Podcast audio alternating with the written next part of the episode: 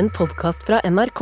Hør alle episodene kun i appen NRK Radio. Tuva Fellmann er programleder på radio og TV, og er kjent fra programmer som Juntafil, Naked Attraction og Love in Real Life. Hun har studert både kriminologi og sexologi, men endte i stedet opp i P3 i 2011. Fellmann har sin egen podkast om fødsler, og ga tidligere i år ut en barnebok sammen med sin mann. Dette er Drivkraft med Vegard Larsen i NRK P2.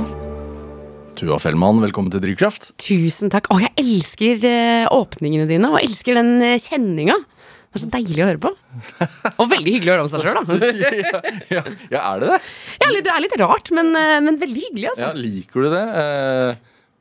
Fokuset fokus eh, Å få fokus?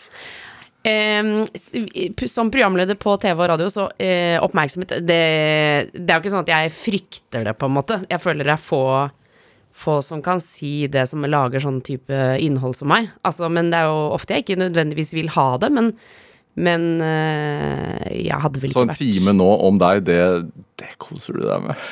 Litt, men å, jeg er ganske nervøs, altså. Herregud, skal vi prate en hel time om meg? Jeg vet ikke Ja. om jeg har så mye å by på engang. jeg. Det blir veldig spennende å se. Hvordan har morgenen vært, da?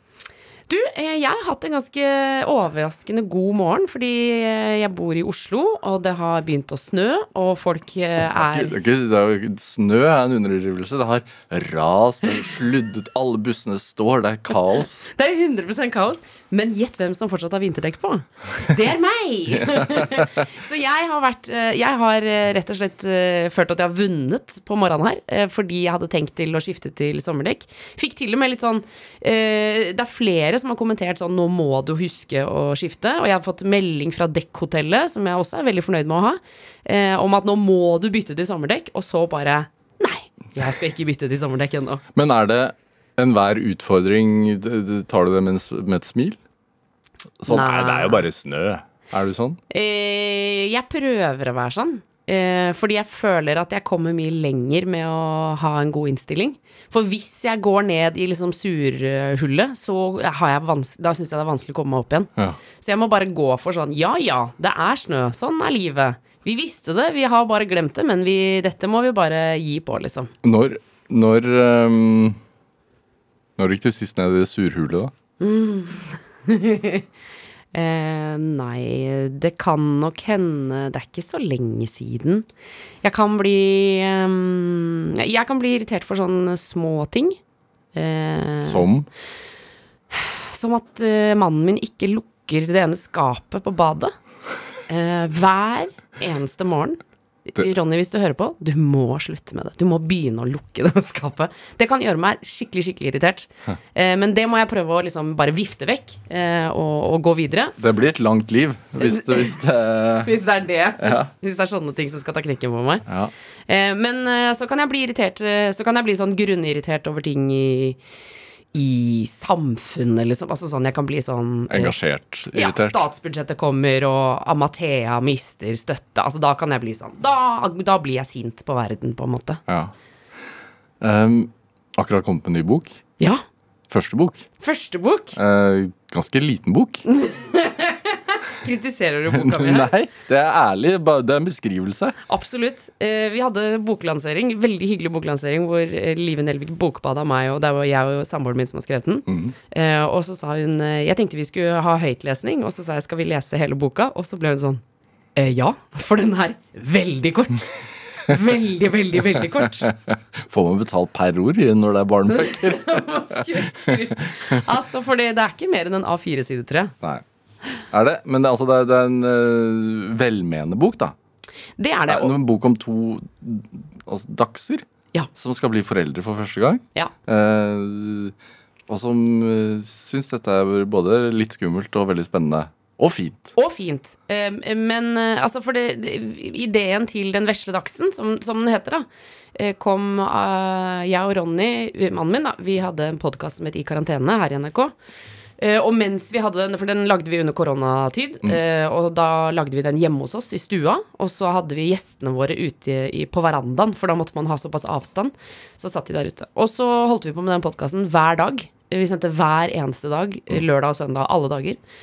Og så øh, var jo jeg gravid, men vi sa ikke det til noen, for da var det veldig tidlig. Eh, Og i den podkasten så får vi da barn, på en måte. Eh, eh, og så var det litt av og på, fordi nedstenginga slutta, og så begynte den på igjen, og da begynte vi på. Og så var det en periode hvor vi da hadde barn, eh, bitte, bitte lite barn, og lagde den podkasten. Og da snakka vi veldig mye om henne, men vi ikke, hadde ikke så lyst til å snakke liksom helt sånn konkret om henne. Vi sier f.eks. ikke hva hun heter, eller har ikke lyst til å dele så mye detaljer om henne. Men det vi begge la merke til, var at når hun lå på siden, så hadde hun en ganske lang, kropp, men korte, korte armer og korte bein. Og da så hun ut som en liten dachs som lå sånn på siden. For du vet når dachser ligger og slapper av, så legger de seg gjerne ned på siden, og så tar de liksom beina ut sånn sidelengs. Og så sa vi det i podkasten, og da rant det inn bilder fra folk som viste bilder av sine barn i dachseposisjon, liksom. Så det er en greie. Så da Du kan bare tenke på det neste gang du ser et sånn nyfødt barn. Så bare Å ja, shit. Fordi når du legger den på siden, så er den helt lik en dachs. Em, og, så begynte på en måte eh, Vi tenkte jo aldri at vi skulle skrive en barnebok da, men eh, det var ikke noe spørsmål om at vi var litt sånn bekymra foreldre. Var, jeg syns det var ganske fantastisk å få barn, men det var ganske stress, liksom. Ikke sånn slitsomt, men sånn redd stress. Mm. Eh, så det er på en måte det den boka har lyst Vi har lyst til å liksom si noe med den, da, at det skal være en fin bok for barna, og så skal det være noe for de voksne som på en måte bare sier noe om at eh, vi, det er flere av oss som er litt redde. Mm. Er du fremdeles redd? Ja, hele tiden. Hver dag. Mm. Da jeg var gravid, så uh, husker jeg snakka med moren min, og så fortalte at jeg var bekymra for jeg følte litt lite liv. Og så satt vi og prata om det. Drikk litt rød, rød saft. ja, rød saft. ja, Smell med noe grytelokk og sånn, og så kan du begynne å telle. Uh, men da sa hun uh, Tenk, Tuva. Nå har du hatt din siste bekymringsløse dag. Den har du hatt nå. Nå er du ferdig med det. Fra nå av skal du være bekymra hver eneste dag. Fordi jeg føler at det er sånn Og det går jo på en måte i bølger og, og Men jeg tror ikke det har gått én dag siden jeg fikk barn hvor jeg ikke tenkte på sånn Shit, kan Snubler hun her nå, eller får hun noe i halsen? Ikke sant? Men jeg er jo bekymra hver dag. Mm. Er ikke du det? Jo, Ja, du er det. man er jo det, men ikke hver dag. Ikke hver dag. Men Nei, man er ikke det hver dag.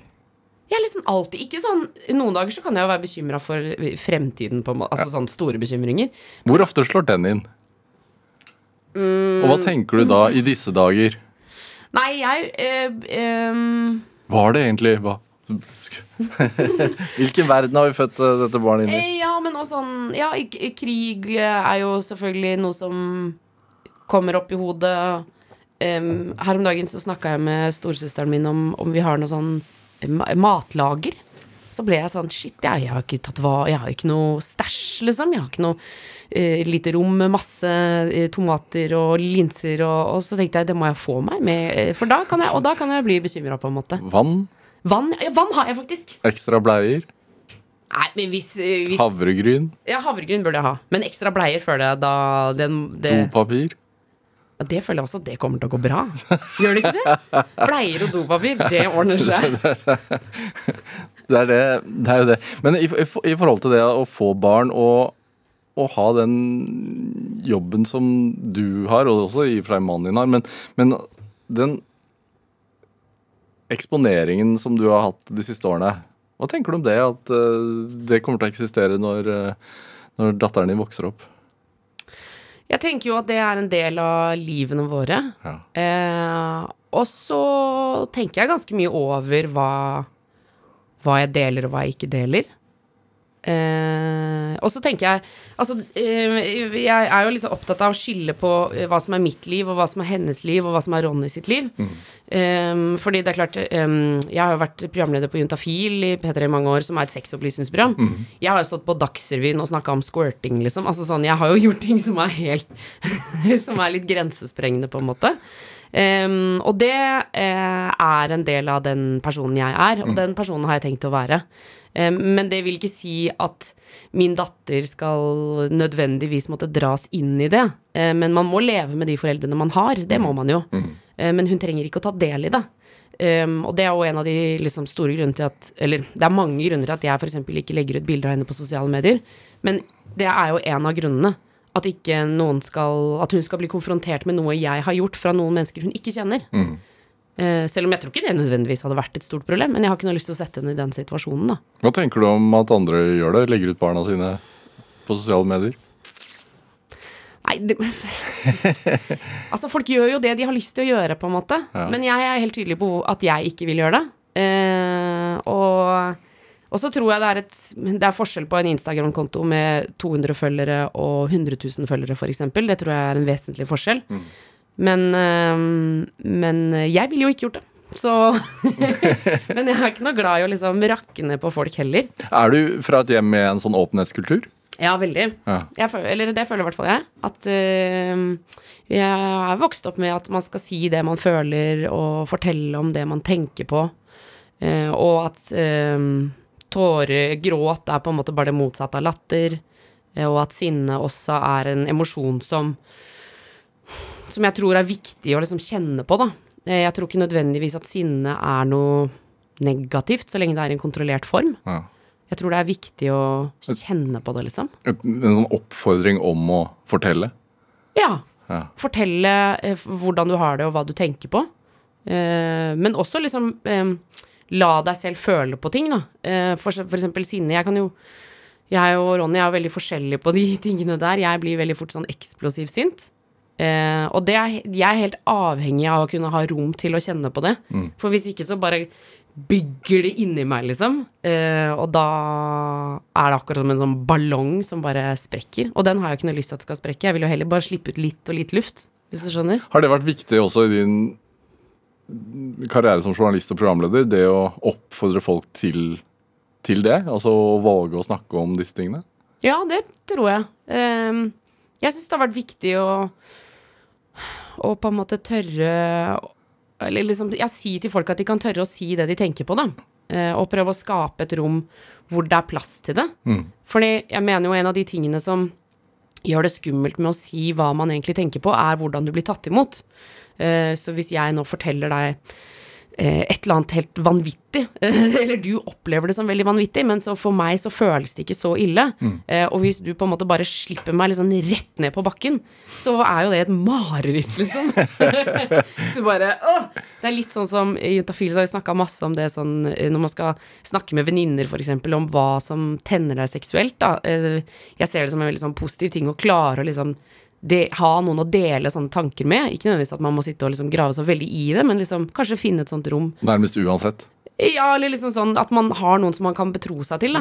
Og så er jo den største frykten for mange, tror jeg, er jo å, å sitte i en sånn vennegjeng hvor alle liksom fyrer sånn jeg syns han er digg, jeg syns hun er digg, og, så er det noen som sier sånn Jeg syns det er deilig med sure sokker, og så blir alle sånn hva er det du mener?! Og da er det ingen som tar deg imot. Så du må Skjønner du hva jeg mener? Du må klare Altså sånn, vi må skape plasser hvor det er noen som fanger deg opp, da. Ja. Og sier sånn OK, ja, nettopp. Sure sokker. Var det derfor også du tok den Naked Attraction-jobben? Sånn, ja ja, kropp er kropp. Ja, men det mener jeg. Kropp er kropp, da. Og jeg tror jo helt oppriktig Altså det er et, et, et slags, slags datingprogram hvor folk er helt nakne. Ja. Ja, altså, det, eh, konseptet er jo Det er helt lov å si at det er et ko-ko-konsept.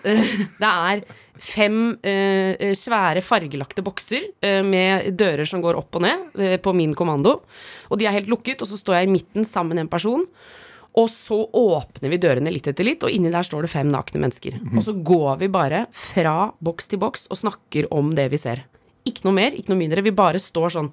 Og da står du med ansiktet 20 cm fra en naken kropp til noen du ikke har sett ansiktet til, f.eks. Men, men mange ville tenke sånn at dette her er bare for å hva skal man si generere, Sjokkere. Sjokkere og generere klikk og få, få eh, annonsepenger billig. Men, men du tenker at det er en, at det er en, sunt, det er en sunn side ved det? Ja, jeg kan, eh, og jeg kan absolutt se bekymringen, liksom, for at, eh, at man gjør noe bare for å liksom dra den enda lenger. Men jeg syns jo også det er interessant å tenke på når var det jeg egentlig så en naken kropp sist? Som ikke var samboeren min, og ikke var på porno. Når var det du så en annen kropp som var helt naken, som du fikk muligheten til å stå og se på? Og gjerne kroppen, eh, kroppen til et kjønn som du er seksuelt tiltrukket av. Det, det skjer nesten aldri. Og det å på en måte kunne bare stå og se på, eh, og for det kan man jo ikke gjøre i garderoben naturligvis, så kan man ikke bare Å ja, der er du. Ah, Jeg skal bare se litt, litt nærmere på tissen din. Det går jo ikke an, ikke sant? Eh, og det er veldig fint at ikke det går an. Men, eh, men jeg tror vi har, en, vi har fått en tanke om hvordan kroppen skal se ut, som sitter så innebygd i oss nå, fordi vi har sett det på film, vi har sett det på porno, vi har sett det liksom sånn uh, Så det å, å se strekkmerker eller hår utenfor bikinilinja eller eh, eh, litt større liksom bryst på menn, for eksempel? Alle disse tingene her tror jeg oppriktig fra bunnen av hjertet mitt er bra å se, da. Jeg tror det er bra å se andre folk som er nakne. Har du blitt påvirket i negativ retning av sånn falsk, falsk, det falske bildet av kropp? Ja, ja, ja, er du gæren? Ja, det, jeg, jeg, jeg, det liksom, Er det noen som ikke er blitt det? I så fall så vil jeg ha den oppskriften. Fordi selv så mye jeg har snakket om eh, kropp, og, og virkelig vært opptatt av at vi skal ha Liksom være glad i kroppene våre uh, for det de er, eh, så har jeg jo Herregud, da jeg var uh, 18, så, var jo, så vurderte jeg jo på ekte om jeg skulle bruke liksom, sparepengene mine på silikon, eksempel. Jeg hadde jo kjempelyst til det, for jeg hadde lyst til å ha større pupper og liksom silikonpupper, hvis du skjønner hva jeg mener. Det utseendet. Eh, så det å si at jeg ikke blir påvirka, det ville jo bare vært tull. Hvorfor gjorde du det ikke? Nei, det var vel noen som fanga meg opp, da. Hva koster det? Silikon? Nei, jeg tror det er billigere nå enn det var før. Jeg veit ikke. jeg har ikke sjekka det ut. Jeg det jo Jeg har jo silikon i den ene puppen nå. Jeg fikk jo forstader i brystkreft uh, i fjor, forrige fjor. Så da fikk, jeg det, fikk jeg det endelig. Hvordan er det? Hvordan er det? Å bare ha silikon på den ene siden. Veldig rart. Det er veldig merkelig. Um, og det ser, ser annerledes ut. Ehm, Føles det som en del av kroppen? nei, det gjør egentlig ikke det, altså. Jeg tror ikke jeg hadde Altså, det eneste grunnen til at jeg tenker at noen ikke skal ta på den, er nok fordi at det er liksom en del av kroppen man vanligvis ikke tar på, mm. med mennesker man ikke kjenner. Men utenom det så tror jeg ikke jeg hadde hatt noe imot det. For den er på en måte bare en sånn ting som jeg har. Men den andre puppen er jeg veldig Jeg er glad i begge, da, men eh, det er ganske stor forskjell, ja. Hvilke tanker gjør man seg når man får den beskjeden i såpass ung alder? Um, du tenker på uh, kreft, liksom? Mm. Det første jeg tenkte på, var vel eh, Skal jeg dø? Det var nok det aller første jeg tenkte. Mm. Og så tenkte jeg på om jeg skulle uh, dø fra barnet mitt. Datteren min var syv måneder da, tror jeg. Og eh, om Ronny skulle bli alenefar Da gikk det gikk veldig mye sånn, sånne store tanker inn i hodet mitt. Og så eh, tenkte jeg på jobb. Unekt, eller som, som jeg ble helt sånn overraska over, fordi jeg husker jeg sa til hun som ringte meg um, Og bare for liksom ha det helt klart, at jeg hadde jo forstadier til brystkreft, så jeg hadde jo ikke brystkreft, men det ble, var jo alvorlig for det, på en måte. Men det sa de også, at er, vi har funnet forstadier, Uh, og så vet man ikke om det er uh, andre typer celler der, og ikke sant, visste ikke helt hvordan det lå an. Men uh, jeg tror det bare var et par minutter inn i samtalen, så spurte jeg når kan jeg begynne å jobbe igjen etter operasjonen. Og så sa hun sånn Jeg tror du må høre på hva jeg sier. Nå skal du Du skal inn til MR i morgen. Du skal opereres om ti dager. Og så ble jeg sånn Men du skjønner, for jeg jobber i et TV-program, og vi skal ha innspilling av en ny sesong nå snart. Som er på en måte Og det er rart, fordi jeg har snakka med ganske mange i etterkant om det å få sånne beskjeder, og det er visst flere som opplever det å bli veldig sånn konkret. Um, at I I hvert fall for meg så kjentes det som at rett, rett etter at jeg hadde vært innom det død liksom inni hodet, tenkt på de tingene, så er det for stort. Så jeg må bare ta noe som jeg klarer å forholde meg til. Og jeg klarer å forholde meg til liksom sånn Den sesongen skal Vi skal i studio om tolv dager. To dager etter. Kan jeg jobbe da? Altså sånn, altså sånn Og jeg husker jeg ble også sånn eh, Men vi har jo avtalt at vi skal ha hytta den uka etter. Den har jeg fått, sommerhytta, liksom. Så hva, hva gjør vi med det? Mm. Praktisk. Veldig praktisk. Og det er en jeg, jeg tror i hvert fall for meg at det var en måte å liksom klare å takle situasjonen på, da. Ja. Og ta, ta tak i noe som jeg kunne ordne. Huh. Jeg vet ikke om det gir mening. Det gir veldig mening. Jeg tror det er veldig menneskelig. Men har det, henger det i? Hvordan er den praktiske Nei, den eh, at du har vært gjennom en sånn operasjon at du har hatt forstadiet én gang, er det noe man tenker på, eller noe du tenker på uh, har tenkt på mye siden, eller er det en operasjon som man, man er ferdig med, og så det går, dagen, går noen dager an? Ja. Eh, det går veldig sånn opp og ned, syns jeg. Jeg, har jo, jeg skal jo til mammografi én gang i året i de neste ti årene. Mm. Um, og sist jeg var på det, så I liksom månedene før så ble jeg veldig bekymra. Og så bygde det seg på en måte opp til den undersøkelsen. Mm. Så når jeg kom på Radiumhospitalet da, så var jeg bare ristet i hendene, føler jeg. Og da sa hun en ene som jeg traff der, så hun sa at dette er veldig vanlig at folk klarer å glemme det etter hvert i hverdagen.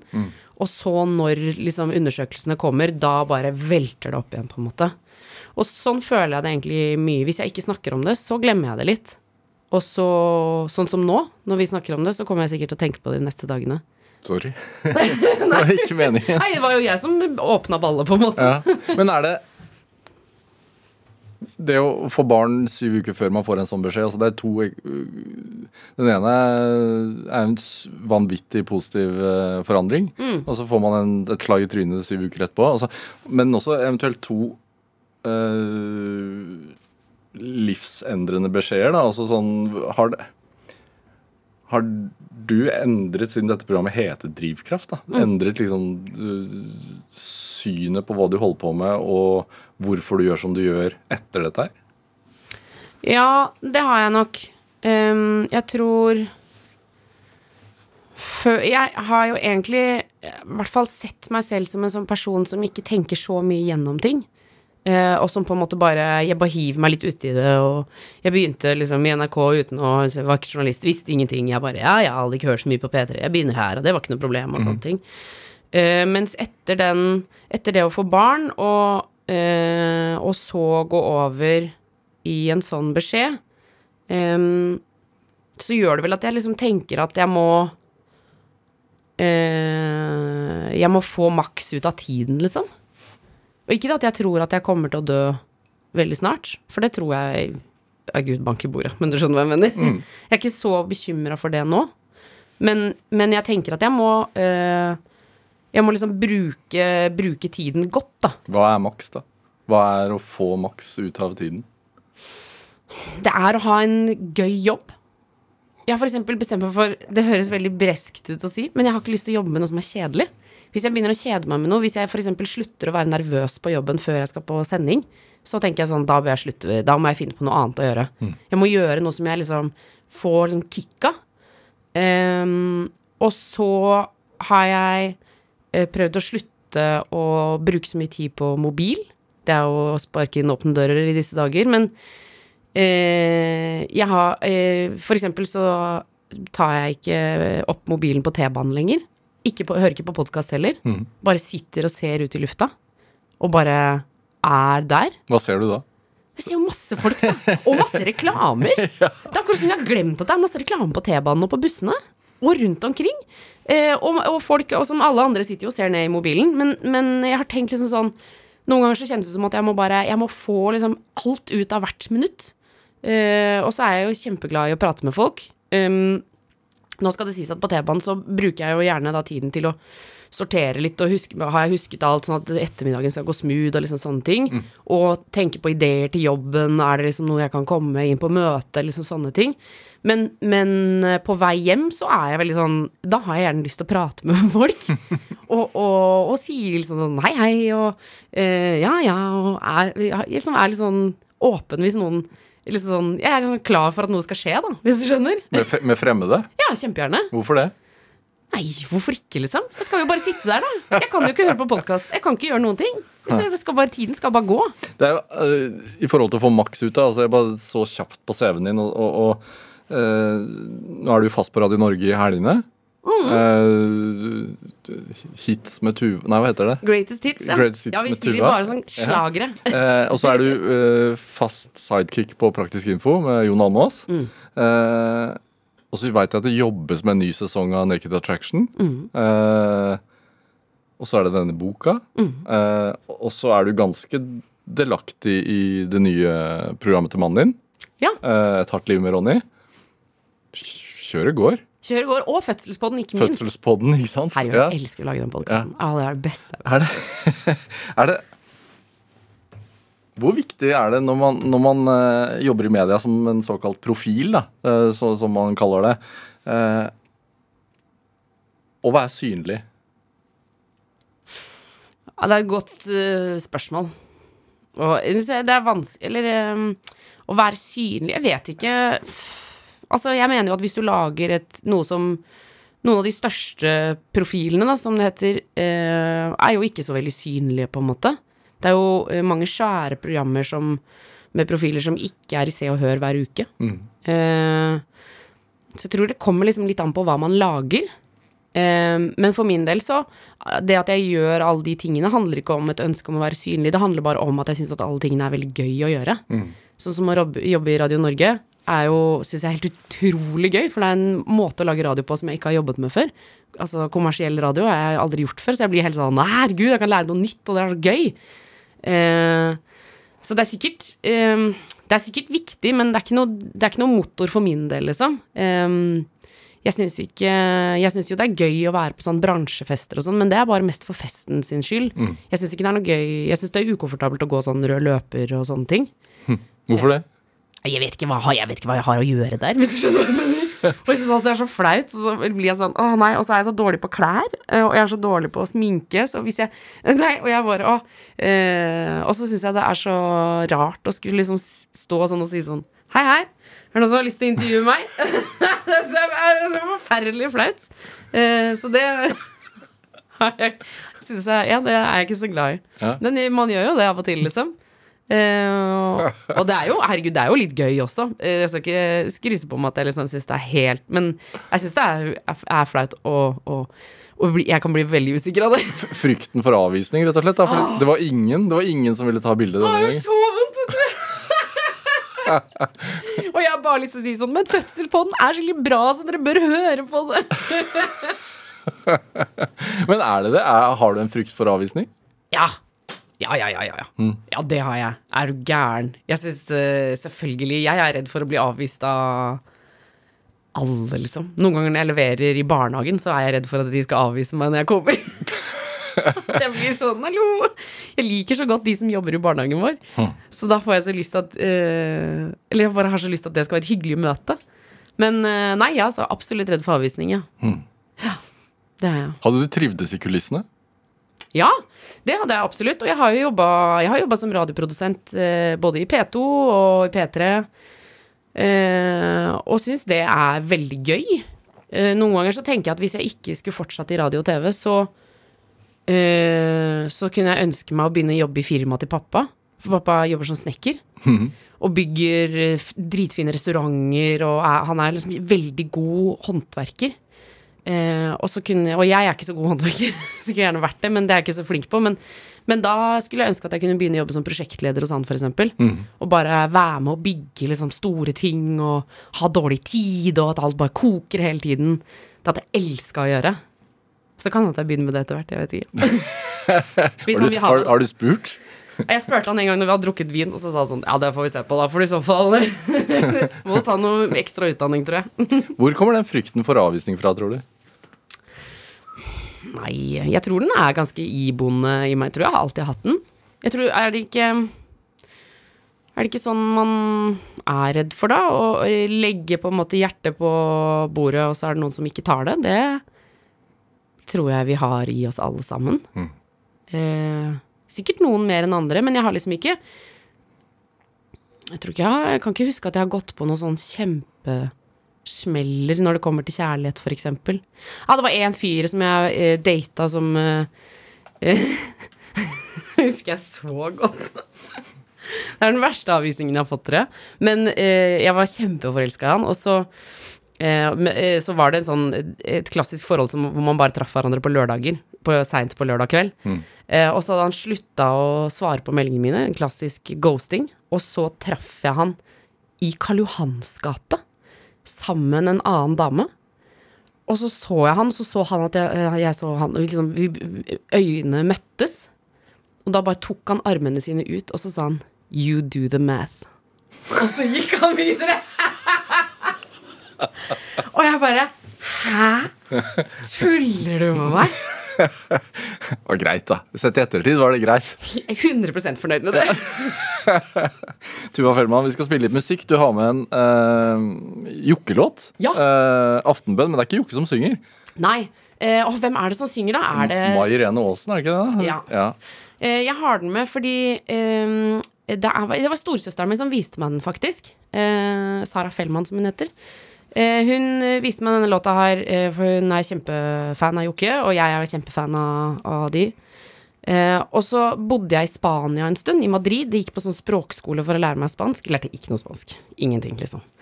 Eh, men eh, det jeg gjorde, var at jeg begynte å jobbe på utested. Eh, og surra rundt og prata engelsk hele tiden. Og på morgenen, hver eneste morgen, så satte jeg på denne sangen. Og så bodde jeg Jeg hadde liksom, bodde på en takterrasse. Eh, Så jeg hadde vindu rett ut i takterrassen som man kunne bare klatre ut av. Hvor i Spania var det der? I Madrid. Madrid, ja. Mm, så da var det Og vi var liksom høyt oppe, det var en høy blokk, så det jeg egentlig kunne se, var ingenting som egentlig minte om det klassiske Spania. Så det vi tenker på, altså ikke noe sydenfølelse, men bare masse, masse bygninger og aircondition-anlegg, liksom, som lå oppå toppen der, og antenner og sånne ting. Eh, og så kunne jeg altså skimte sånn neonlys, og det nevner de i låta. Eh, så da sto jeg hver morgen og hørte på den sangen mens jeg liksom gikk ut på den takterrassen.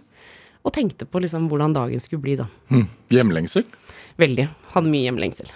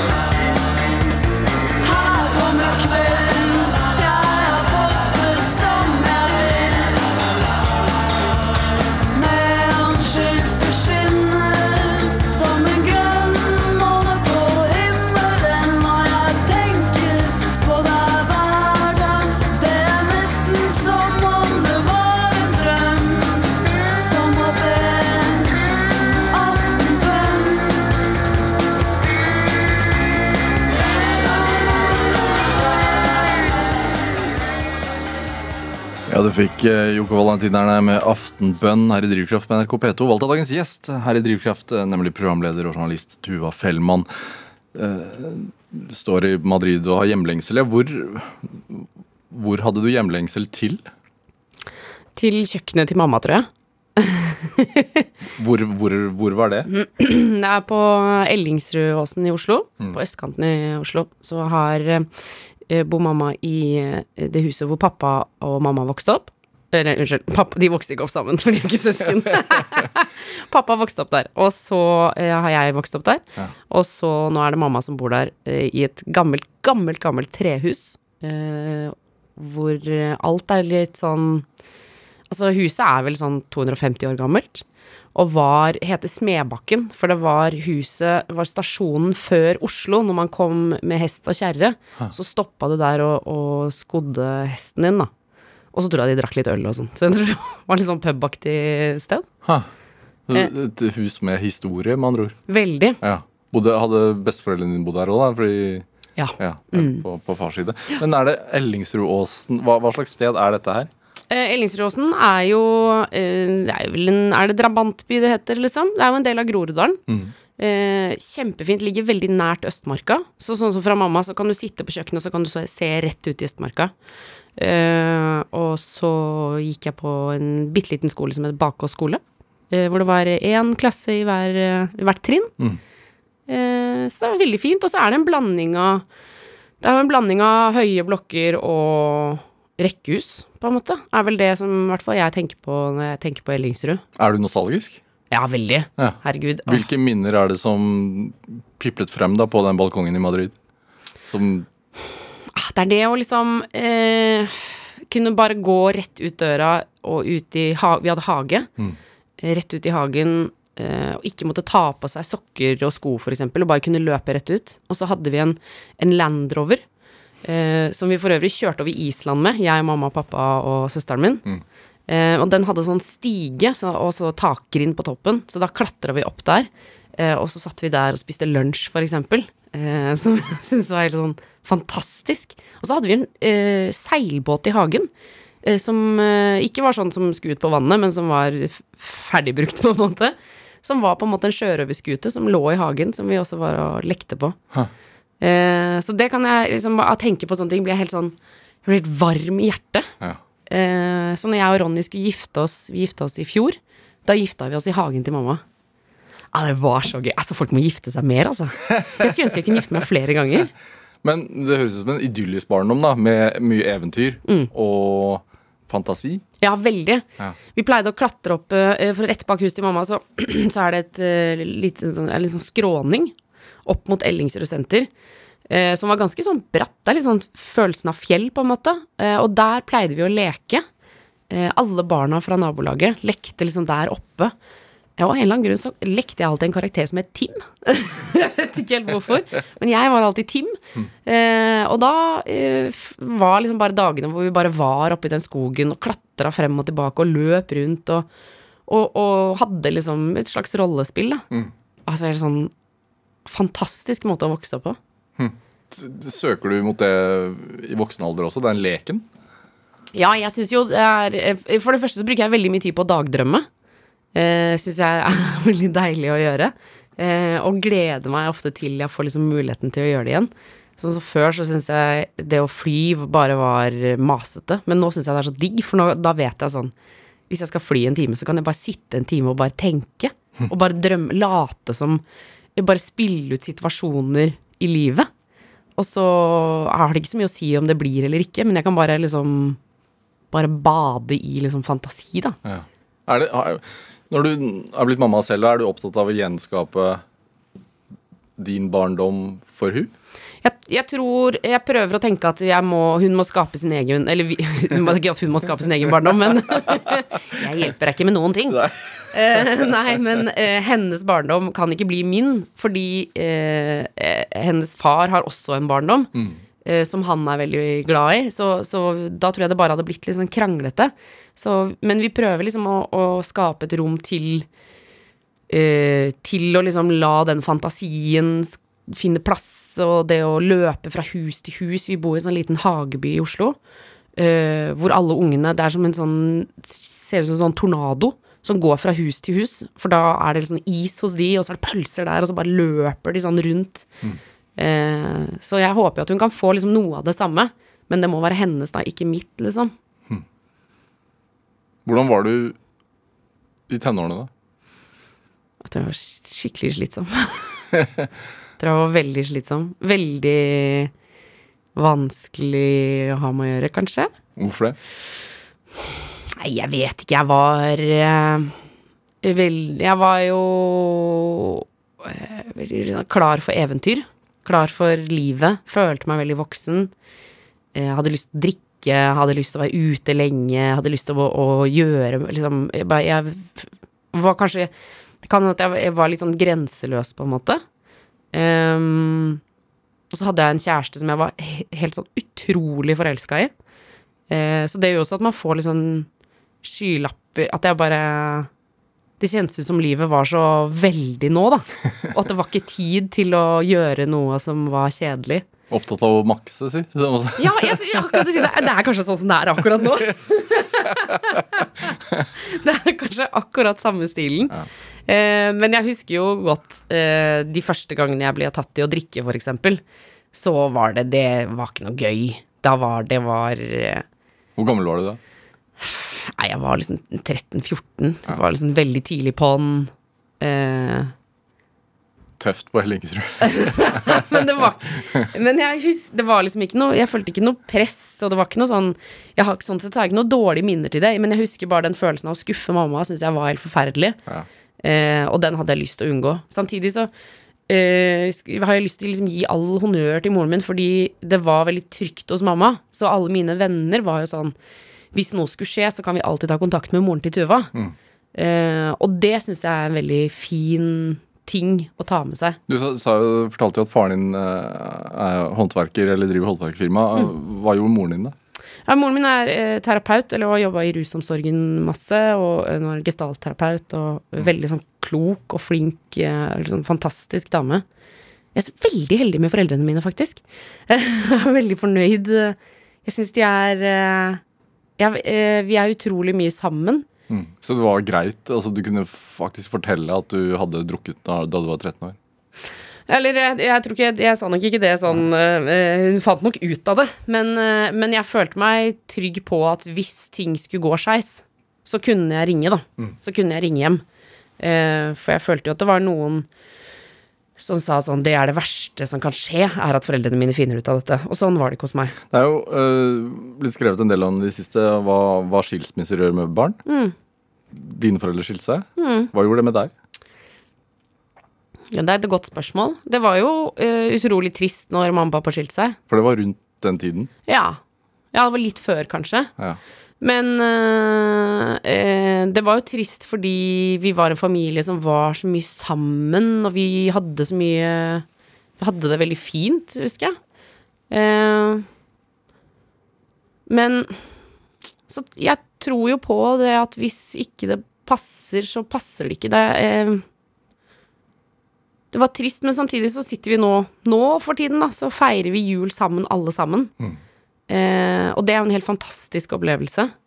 Det at eh, alle i familien, eh, kona til pappa, mine halvsøstre, mannen til mamma, alle sammen er sammen på julaften, syns jeg. Jeg blir helt sånn Altså, jeg kan begynne å gråte av å snakke om det. Jeg blir så lykkelig av det. Så det er klart at det, det når de skilte seg, var et trist kapittel. Det var det. Men samtidig, så nå så har det jo også gitt meg f.eks. tre halvsøstre, da, som jeg elsker over alt på jord. Mange barn føler jo skyld da, når det skjer. Gjorde du det? Ikke som jeg kan huske. Jeg tror ikke jeg tenkte så langt. Herregud, var det min skyld? Må ringe mamma og pappa og spørre. Eh, nei, jeg tror ikke jeg tenkte det. har jeg aldri tenkt på, faktisk. Om Nei. det var min skyld. Nei, det Det er bra. Ja, det er jo positivt, da. Og god foreldrerolle av de. At, ikke de. at de har klart å unngå det, hvis mange tenker på det. Men jeg tenker på, Når jeg ser på CV-en din, så er veldig mye av det du har laget eh, opp igjennom som journalist og programleder, handler jo om kjærlighet. Mm. Ja. Tror du det er tilfeldig? Nei, jeg tror jo Det er vel kanskje det at jeg eh, er på en måte blitt opplært til å tørre å snakke om det. Mm. Og det å ta det med i seg liksom, Ta med det inn i jobben har gitt meg veldig mye, da. Og gitt meg mange muligheter. Det å tørre å snakke om ting som er vanskelig, og, og tørre å, å ta temaer som er vanskelig, for eksempel. Ehm, Så det er nok ikke tilfeldig uh, sånn sett. Jeg, jeg, jeg, det har nok liksom kommet som en sånn samla pakke, ja. Men så føler jeg også Sånn som i Juntafil, da, som er et sexopplysningsprogram som, ba, som er veldig mye klamydia og kondom og, og kjønnsvorter, liksom. Eh, eller kondylomer, som det også heter. Det er et nydelig ord. Eh, så føler jeg nå at det har på en måte også vært en slags hobby å snakke om de tingene. Jeg syns det har vært veldig gøy. Men nå har jeg Akkurat som jeg har vokst sammen med den hobbyen, så nå vil jeg jo bare snakke om fødsler. Nå føler jeg meg liksom ferdig med kondomer og klamydia. Ja. Og nå vil jeg bare liksom jobbe videre inn i de andre tingene, da. Eh, så jeg holder meg litt i den bala, i, i, ja, i det landskapet der, ja. Fødselspodden, var det et produkt av at du tenkte at vi Altså, trengs Trengs den? Ja, så trengs den. Treng, trenger vi å lære mer om følelsene rundt fødsler og opplevelsene rundt fødsler? Ja, det tror jeg. Ja. Eh, Fødselspodden eksisterte jo før jeg ble programleder, og da hørte jeg alle episodene mens jeg gikk gravid. Mm. Mm, og jeg tror nok det handlet mest om at jeg eh, følte at jeg trengte å være forberedt på alt som kunne skje. Eh, og da satte jeg veldig pris på å høre kjente Eller sånn kvinner som jeg hadde et forhold til, som jeg, eh, som jeg liksom visste noe om, eh, å høre deres fødselshistorier. Eh, det fikk jeg veldig mye ut av, da. Så uh, når jeg ble spurt om å være programleder her, så var det helt sånn Altså, jeg ble helt fra meg, fordi jeg hadde så lyst til å lede den podkasten. Eh, og jeg tror jo Liksom, fødsel er en så stor ting i livet for mange. Em, og det å på en måte kunne dele og åpne liksom litt opp om det, tror jeg er viktig, da. Eh, mange sliter med fødselsdepresjon, eh, mange syns det er vanskelig i etterkant. Noen synes, altså Det er flere som har meldt i podkasten min at de syns at det er vanskelig å si at fødselen gikk dritbra. Fordi det liksom, Fordi selv det føles feil. Ja. Ikke sant? Så, altså, sånn, det å, å, å si til noe at eh, Jeg syns ikke det var så vondt, jeg. Jeg syns det var helt greit, liksom. Eh, det kicker jo folk. Da blir folk sinte. Eller hvis du sier for mye, så blir det feil. Og? Så vi har på en måte, jeg føler at vi, Fødselspodden er på en måte bare et rom hvor du får alle historiene. Mm. helt sånn ufiltrert. Og det eh, tror jeg tror vi på ekte trenger det. Eh, særlig de som skal føde, eller har født. For det er et eller annet med når vi åpner opp om, om eh, eh, sånne ting, sånn som vi har snakket mye om tilknytning til barnet rett etter fødsel. Og eh, da er det jo en del som forteller at de ikke kjenner den klassiske tilknytningen, som så mange snakker om det kjærlighet ved første blikk, og at man bare forsvinner inn i det barnet og bare elsker det barnet. Så er det jo en del som bare kjenner sånn øh, øh, øh, Jeg må bare ta litt luft, eller jeg må, kan noen holde øh, Ikke sant? Og, og, og idet noen forteller det i en ring, så er det plutselig flere som sier sånn «Ah, Ja, det kjente jeg også på. Kanskje ikke akkurat da, men litt etterpå, eller ikke sant. Tror det er veldig lurt å, å åpne opp om de greiene der, da. Hjelpe folk? Ja, jeg tror det. Det hjalp i hvert fall meg. Ja. Er det viktig for deg? Å, å hjelpe folk. Ja. Ja. Hvorfor det? Jeg tror det blir bedre Jeg tror livet blir bedre av det, liksom. Både for meg og, og håpe for de, da. Jeg syns det, det gir meg en god følelse. Og så syns jeg det er jeg, jeg tror liksom at verden blir bedre av hvis Altså, det er jo så klassisk å si, da, men hvis alle hjelper til, på en måte. Hvis alle gir det de har. Vi har ikke det samme, men hvis alle gir det de har, så blir det mye bedre. Og da er det en En del av pakka da er jo Eller er det da en lav pris å betale for deg og, og eksponere deg selv i forhold til det? Eller er, må du det for å skape tillit? Jeg må jo sikkert ikke. Um, jeg synes, for eksempel, jeg hadde jo, eh, jeg hadde jo min egen fødsel i fødselspodden. Uh, og det syns jeg jo var helt Jeg synes det var skikkelig, skikkelig vanskelig. Jeg grua meg så mye til den episoden. Ehm, Hvorfor det? jeg syns det var så vanskelig å snakke om. Jeg syns eh, Og det har blitt, blitt ganske mye lettere etter at jeg lagde den episoden, eh, men eh, For jeg følte på en sånn derre Når jeg fødte, så følte jeg på en sånn enorm eh, maktesløshet. Jeg trodde jeg skulle føle meg som en sånn urkvinne. Jeg trodde jeg skulle være sånn Aah! Og så var jeg bare sånn Jeg må dø. Eller jeg bare jeg, jeg kan ikke være her. Noen må ta over. Noen må ta meg ut av denne situasjonen. Skjære av meg underkroppen, liksom. Altså, jeg var helt sånn i panikk. Og det eh, syns jeg var så Jeg vet ikke hvorfor jeg syns det var så vanskelig å snakke om, men jeg bare syns det var så vanskelig å sette ord på det, på en måte. Eh, ja. Men ehm, så føltes det bra etterpå, da. Men det tror jeg bare var egoistiske grunner, liksom. Det er deilig å dele. Og bare få sagt det, liksom. Øh, Bli ferdig med det. Ja. Og da er det mye lettere å snakke om neste gang. Hmm. Eh, Hvordan er det hjemme hos dere? Må, der går det ikke an å puste uten å dele noe vanskelig. er det lov? å- å, Ah, hjemme hos oss er det Det er ikke så heavy hele tiden. Hvordan har du hatt det i dag? Fortell meg hvordan du egentlig har hatt det. jeg hører hva du sier, Ja. men uh... Men du mener egentlig noe annet. ja. Uh, nei, hjemme hos oss er det veldig fokus på det positive. Jeg er jo sammen med verdens mest positive mann.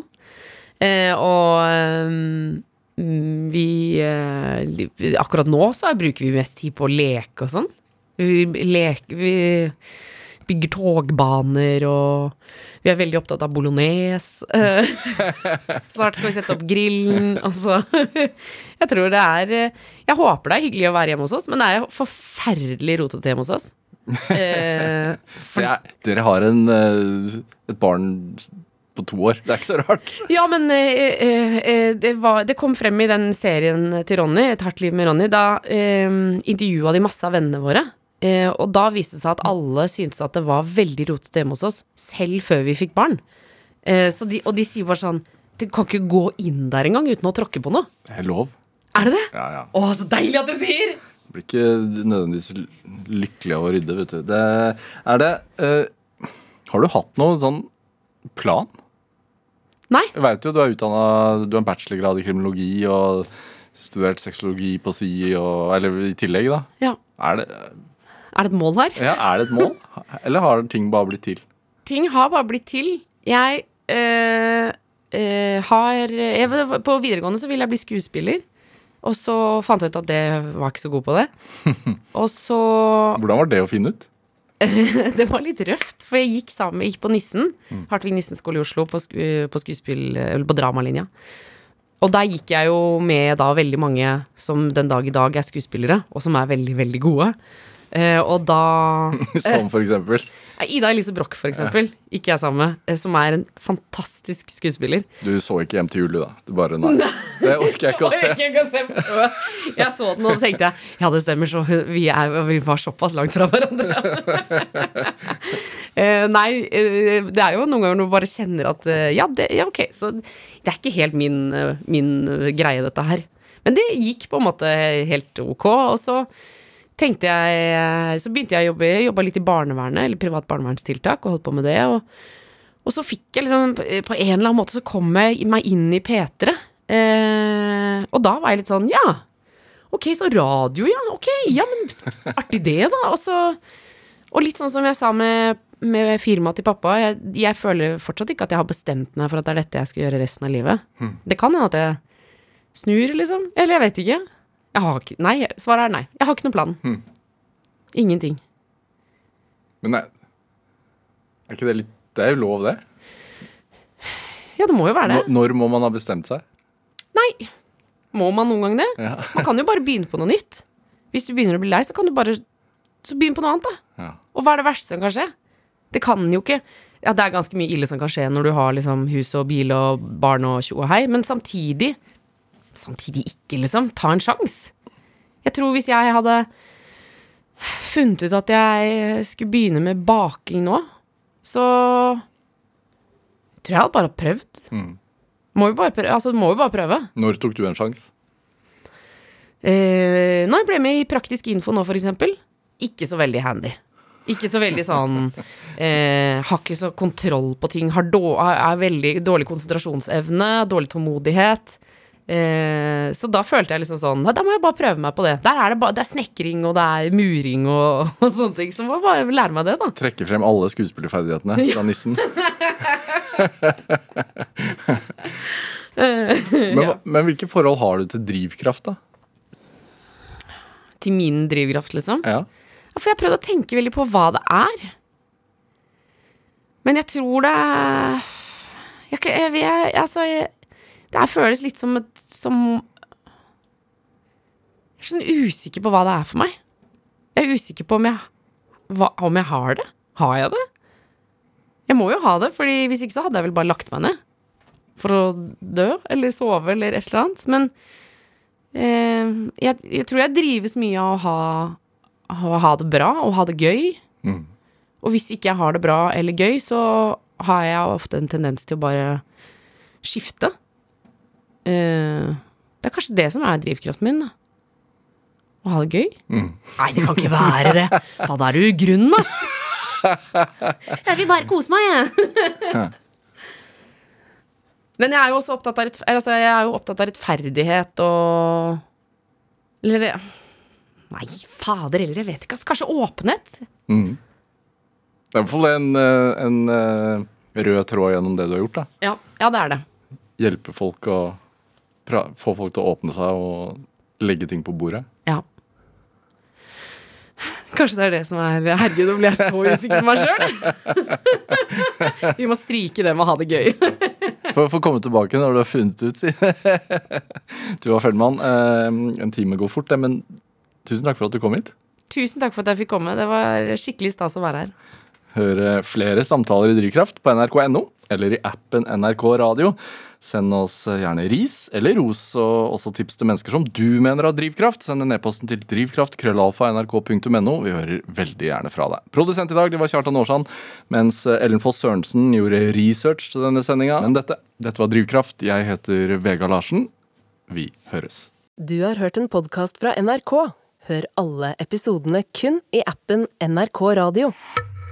På den lille øya Austbø går det en psykisk ustabil mann rundt med ei kraftig rifle. Han har erklært krig mot politiet. Når han kommer frem, så blir det, da blir det kamp. Da blir det han eller meg. Han greier å overraske to politifolk i stormen på natta. Så kommer det to skudd. De var ganske etter hverandre. Familiemannen ender opp som dobbel drapsmann. så har jeg jo en, en, en ganske fremmed følelse overfor at det er seg i dag som skal sitte som en drapsmann og være årsak til det, at jeg har tatt livet av to mennesker. Politidrapene på Austbø hører du i appen NRK Radio.